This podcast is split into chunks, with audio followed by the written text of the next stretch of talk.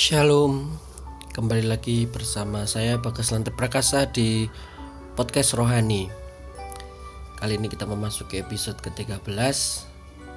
Uh, Sudah beberapa minggu tidak upload Tapi tidak apa-apa karena Ya uh, Berbagai banyak aktivitas. Tapi kita bersuka cita sekali hari ini karena sudah memasuki bulan Desember ya itu artinya uh, sebentar lagi kita akan merayakan hari salah satu hari raya besar umat Kristiani seluruh dunia yaitu adalah hari Natal. Dari Natal ini uh, saya ingin berbagi banyak kisah gitu loh, banyak kisah yang akhirnya menuntun saya di Natal tahun ini mendapatkan sesuatu yang baru. Saya ingin mendapatkan sesuatu yang baru.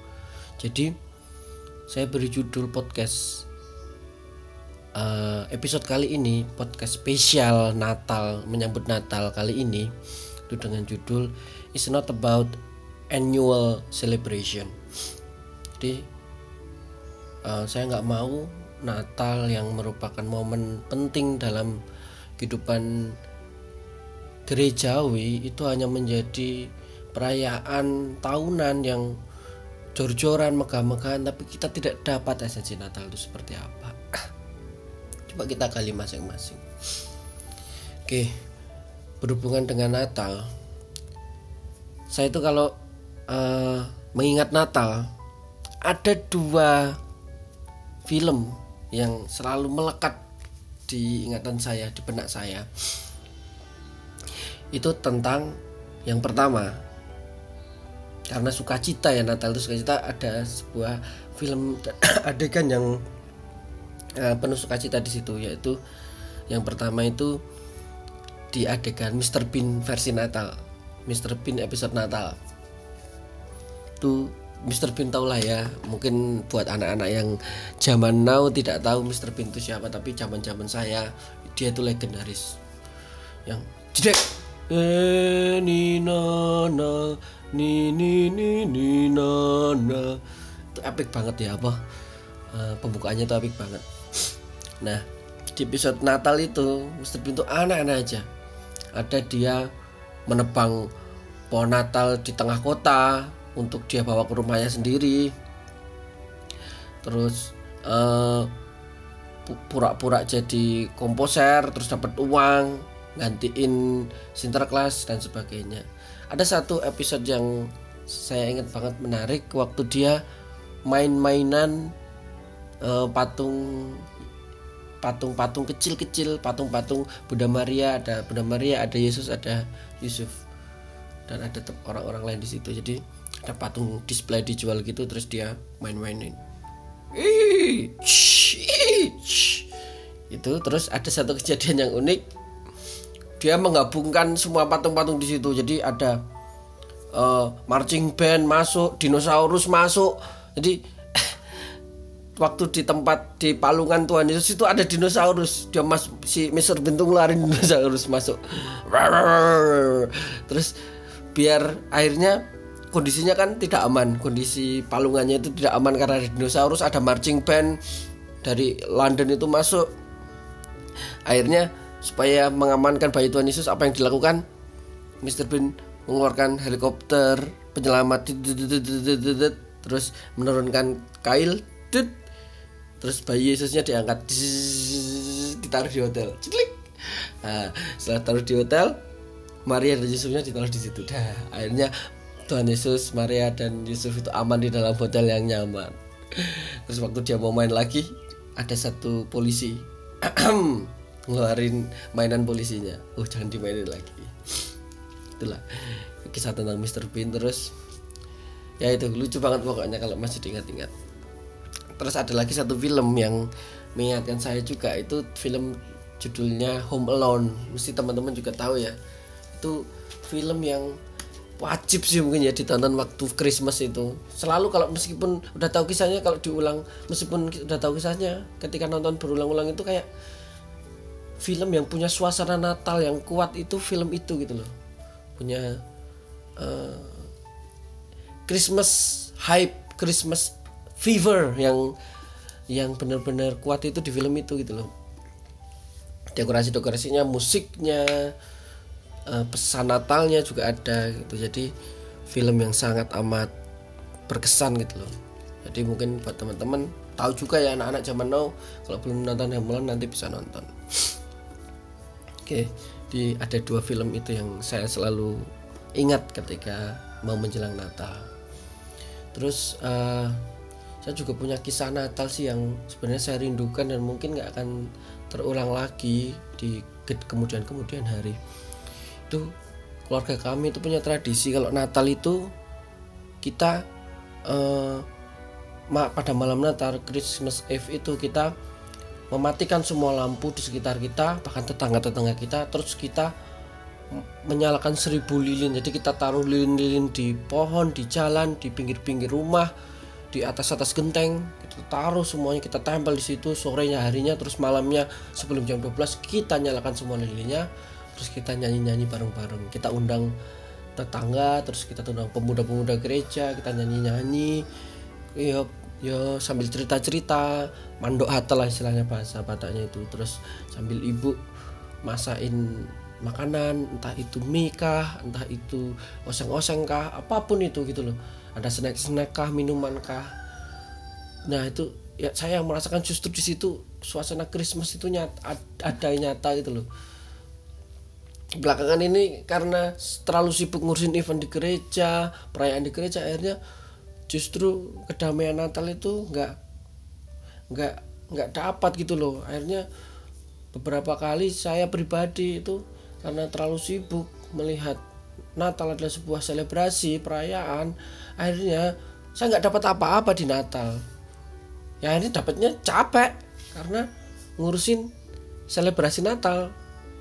Apalagi kemarin Natal kemarin tuh mungkin salah satu tahun lalu itu salah satu Natal yang tercapai karena uh, beberapa pemuda di gereja itu sudah mulai tidak tidak uh, mulai sibuk ya punya kegiatan di luar sehingga saya yang harus menekel banyak banyak banyak acara sendiri gitu. Dan saya merasakan waktu Natal tahun lalu itu benar-benar sangat sangat melelahkan gitu. Akhirnya sukacita kedamaian Natal itu terlewat begitu saja tanpa ada momen kesan yang indah. Saya menyayangkan banget sih kalau uh, ya kita boleh untuk bersibuk-sibuk dia mempersiapkan Natal yang terbaik tapi jangan sampai kita lupa esensi Natal yang sesungguhnya. Nah tahun ini saya kayaknya tidak akan merayakan Natal se hektik itu se ini itu karena saya saya mau fokus pada uh, saya sedang ngajar data untuk penelitian saya mau fokus ke situ. Jadi ya di saat itulah saya mau berdoa bahwa saya ingin merenungkan kembali makna Natal mencoba kembali mendalami makna Natal yang sesungguhnya sehingga Natal tahun ini ya mungkin tidak akan ada selebrasi yang gegap gempita. Tapi saya percaya saya akan dapatkan Natal yang paling utama. Yang paling berarti yaitu Tuhan Yesus lahir lagi dalam kehidupan saya dalam hati saya memperbarui hidup saya. Oke.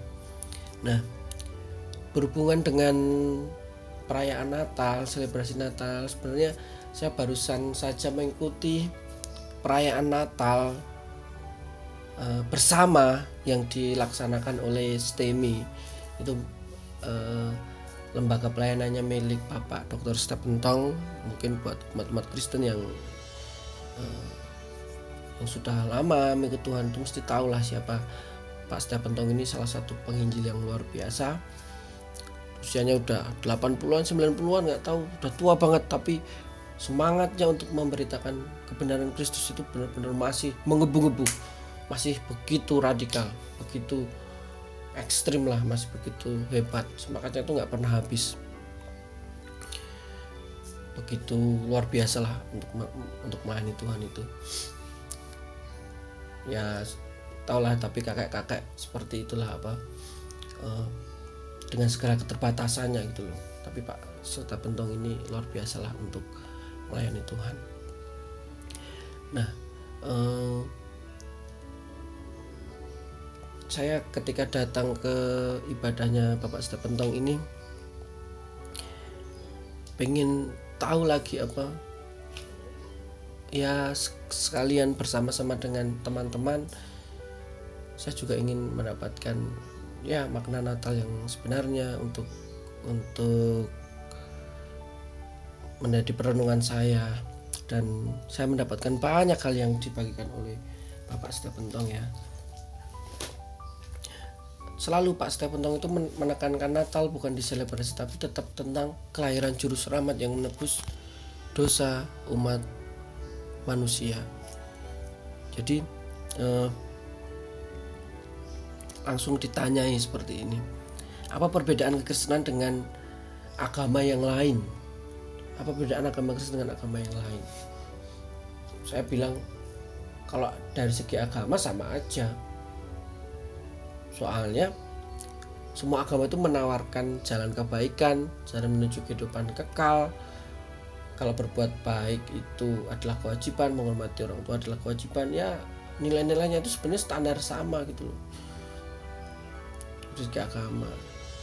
Makanya ya agama itu buatan manusia bentuk yang dibuat manusia jadi nilai-nilainya mau kebaikan sama itu cuma apa yang menjadikan kekristenan itu spesial dibanding yang lain. Tuhan Yesus datang ke dunia itu tidak membawa agama, tidak membawa identitas suku ras atau apa pun. Tuhan Yesus datang ke dunia ini tidak memandang siapa pun dan hanya mencari Tuhan Yesus datang untuk mencari domba-domba yang hilang dan tersesat. Nah, di sini Pak Stepentong itu menjelaskan kenapa orang-orang Kristen itu diibaratkan dengan domba, diibaratkan dengan kambing, diibaratkan dengan hew, hew, ya jenis domba dan kambing itu. Kenapa nggak anjing atau kucing? Kenapa nggak hewan-hewan itu? Nah, kenapa domba karena domba itu adalah hewan yang paling bodoh hewan yang paling bodoh untuk mengingat arah Jadi domba itu kalau sudah tersedia itu selalu mengikuti arahan gembalanya kalau dia sudah tersesat ditinggal sendiri dia nggak akan tahu jalan pulang. Domba itu nggak akan tahu jalan pulang ketika dia sudah tinggal sendiri. Dia tuh payah dalam mengingat arah bahkan bodoh dibilang. Beda dengan anjing dan kucing. Anjing itu kamu kalau dia sudah kenal tuannya begitu baik dia sudah tahu pathway rutanya di mana dia kamu tinggalkan di suatu tempat dia bisa kembali ke rumahmu. Dia sangat hebat sekali untuk makanya anjing ada disebut anjing pelacak kucing juga sama kucing itu sense of uh, areanya itu bagus banget gitu loh. Bisa kembali ke tempat yang dia sudah kenali. Dia punya uh, sel-sel di otak yang membuat dia mengingat tempat-tempat yang sudah dia kunjungi. Berbeda dengan domba. Domba nggak mengingat apa pun itu tersesat tersesat aja. Hilang dimakan serigala oleh karena itu domba-domba yang tersesat inilah sebenarnya yang butuh seorang gembala untuk memandu mereka kembali ke jalan yang benar. Karena kalau domba sudah tersesat sulit untuk kembali dan bahkan impossible untuk bisa kembali ke jalan yang benar.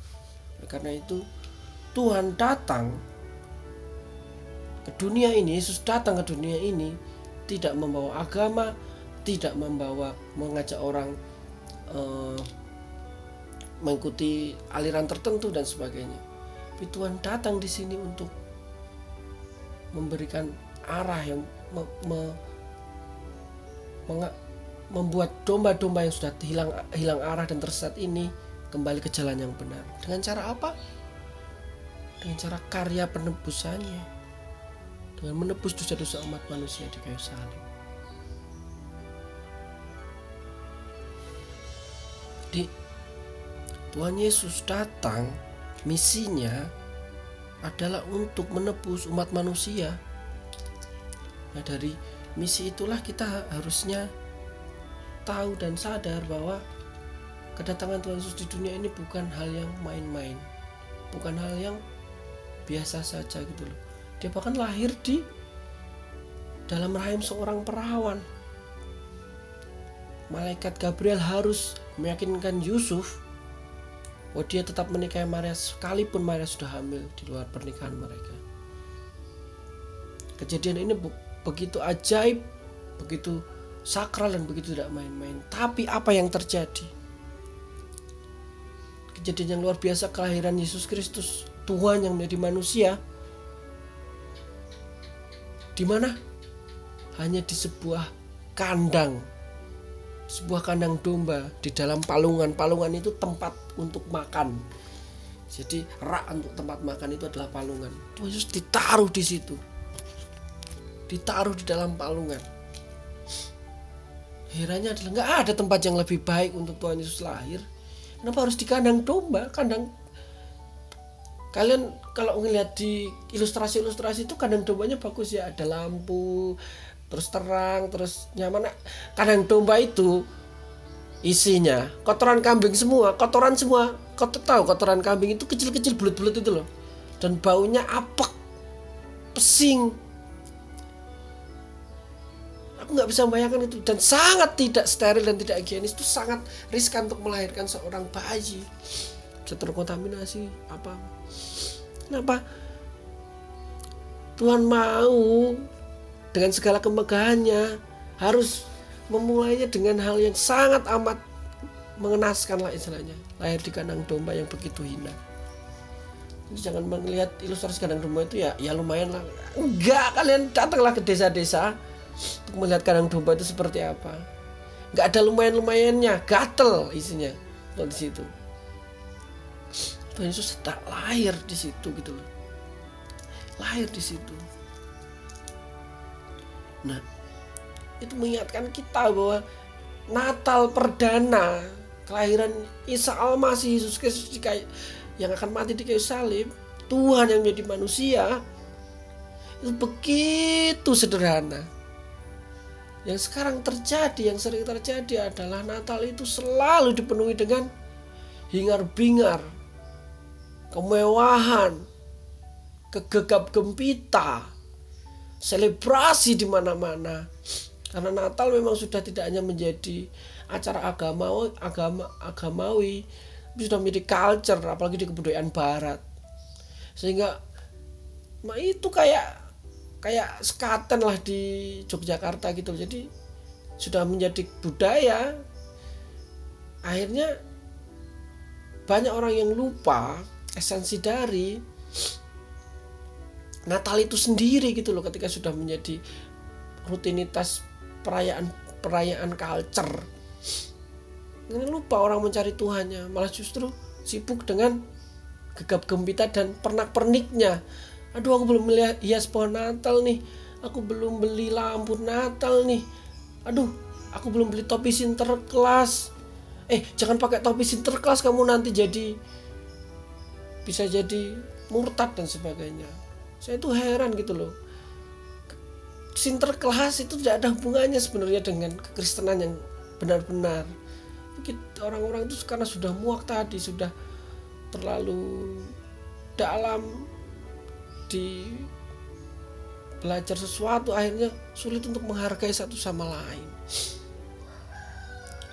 Sinterklas Christmas Eve itu karena sudah bagian dari budaya bisa milik universal bisa milik semua orang. Kalau menurut saya tidak hanya untuk milik orang Kristen saja.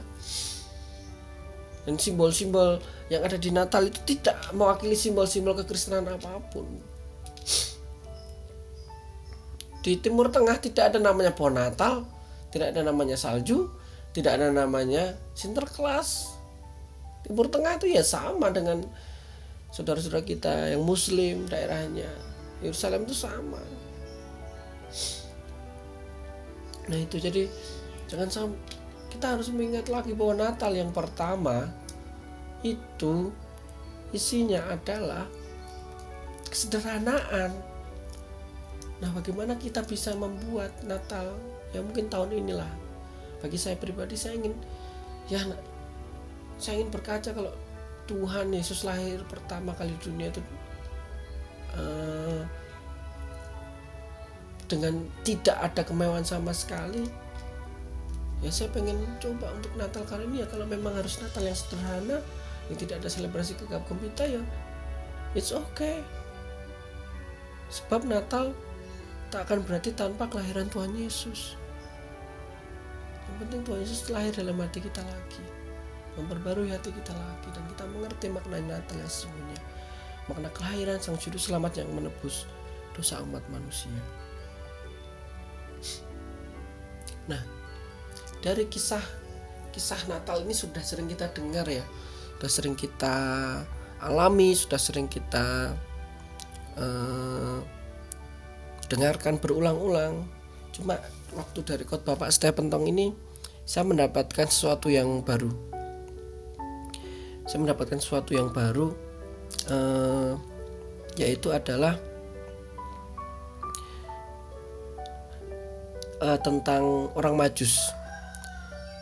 Mungkin judul sudah dibagikan tapi saya sudah lupa. Uh, orang majus itu mempersembahkan tiga buah benda yaitu emas kemenyan dan mur. Apa makna dari masing-masing benda ini gitu loh? Ada makna baru yang saya dapatkan. Ternyata emas kemenyan dan mur itu sebenarnya adalah persembahan yang diberikan kepada tiga pribadi yang memiliki jabatan yang berbeda jadi Yesus ketika lahir dia itu akan mengenapi tiga jabatan yang berbeda. Yang pertama adalah nabi. Kita bisa melihat bagaimana uh, nubuatan-nubuatan karya-karya ilahi yang Tuhan lakukan, Tuhan Yesus lakukan selama hidup di dunia dalam pelayanan, menunjukkan bahwa dia adalah nabi.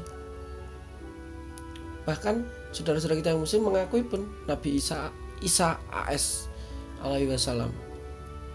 Nabi Isa itu. Terus yang kedua adalah imam. Tuhan Yesus adalah pemimpin agama. Memimpin Taurat yang mengerti firman Tuhan. Begitu luar biasa. Memimpin murid-muridnya melakukan uh, ibadah-ibadah, perjamuan-perjamuan. Menunjukkan dia adalah imam. Terus yang terakhir adalah raja. Tuhan Yesus adalah raja. Tapi kerajaannya tidak ada di dunia ini. Kerajaannya bukan kerajaan yang bersifat fisik bersifat kebijakan bersifat politis. Tidak. Kerajaannya adalah kerajaan kekal kerajaan surgawi. He is a king.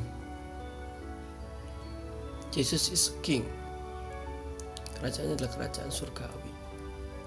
Nah ketika peran ini disimbolkan oleh ketiga persembahan yang dipersembahkan oleh orang Majus. Yang pertama adalah emas. Emas itu persembahan untuk raja. Terus mur itu adalah persembahan untuk imam dan terakhir kemenyan itu adalah persembahan untuk nabi. Atau kebalik ya saya. Nanti mungkin bisa dikoreksi kalau kebalik antara mur dan kemenyan ini. Tapi yang jelas adalah tiga persembahan ini merepresentasikan tiga peran Yesus di dalam dunia dan tidak ada satupun orang di dunia ini tercatat yang dia adalah nabi, dia adalah imam dan dia adalah raja. Tidak ada seorang pun di dunia ini kecuali Yesus Kristus. Yesus Kristus itu sendiri. Oke. Kalau kita melihat akhirnya kita melihat kelahirannya yang begitu ajaib, begitu luar biasa, begitu sederhana, begitu penuh kehangatan, kita harus tahu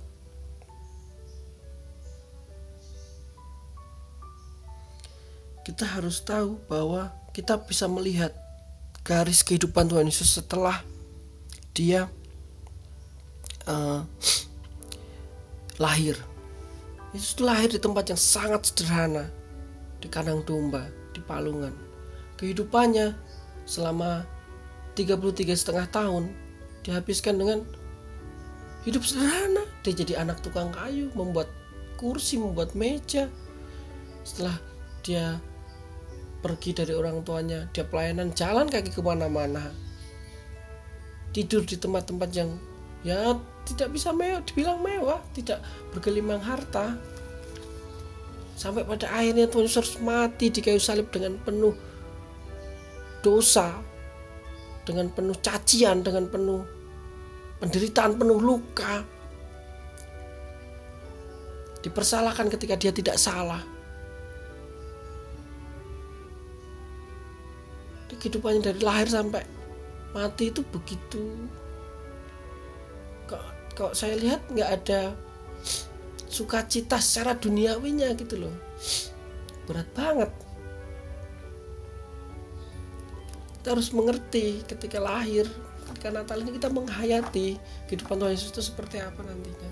Membuat kita harus jadi lebih mengerti bahwa kehidupan orang Kristen sukacitanya bukan hanya bersumber bukan bukan hanyalah bukan bersumber dari harta yang kita miliki bukan berarti kita nggak boleh mencari harta duniawi ya. Tapi kebahagiaan kita sumbernya bukan itu.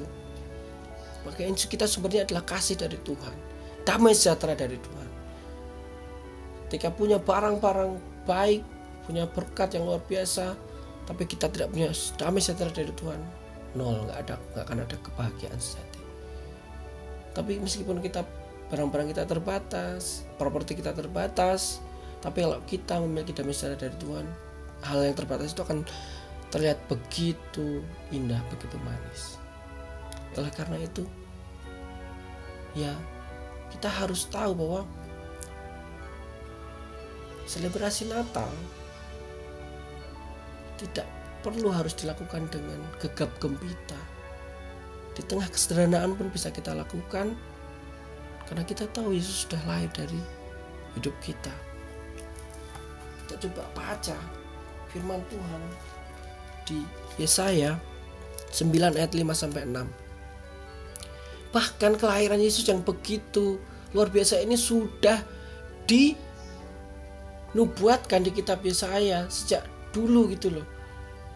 Sudah dinubuatkan ya berarti kan sudah dipersiapkan begitu rupa tapi ya masih begitu Tuhan memilih bukan karena tidak ada persiapan akhirnya ya lahir di kandang domba aja. Enggak Tuhan memang memilih lahir di situ. Tuhan bisa memilih lahir di mana pun di tempat yang mewah. Tapi enggak.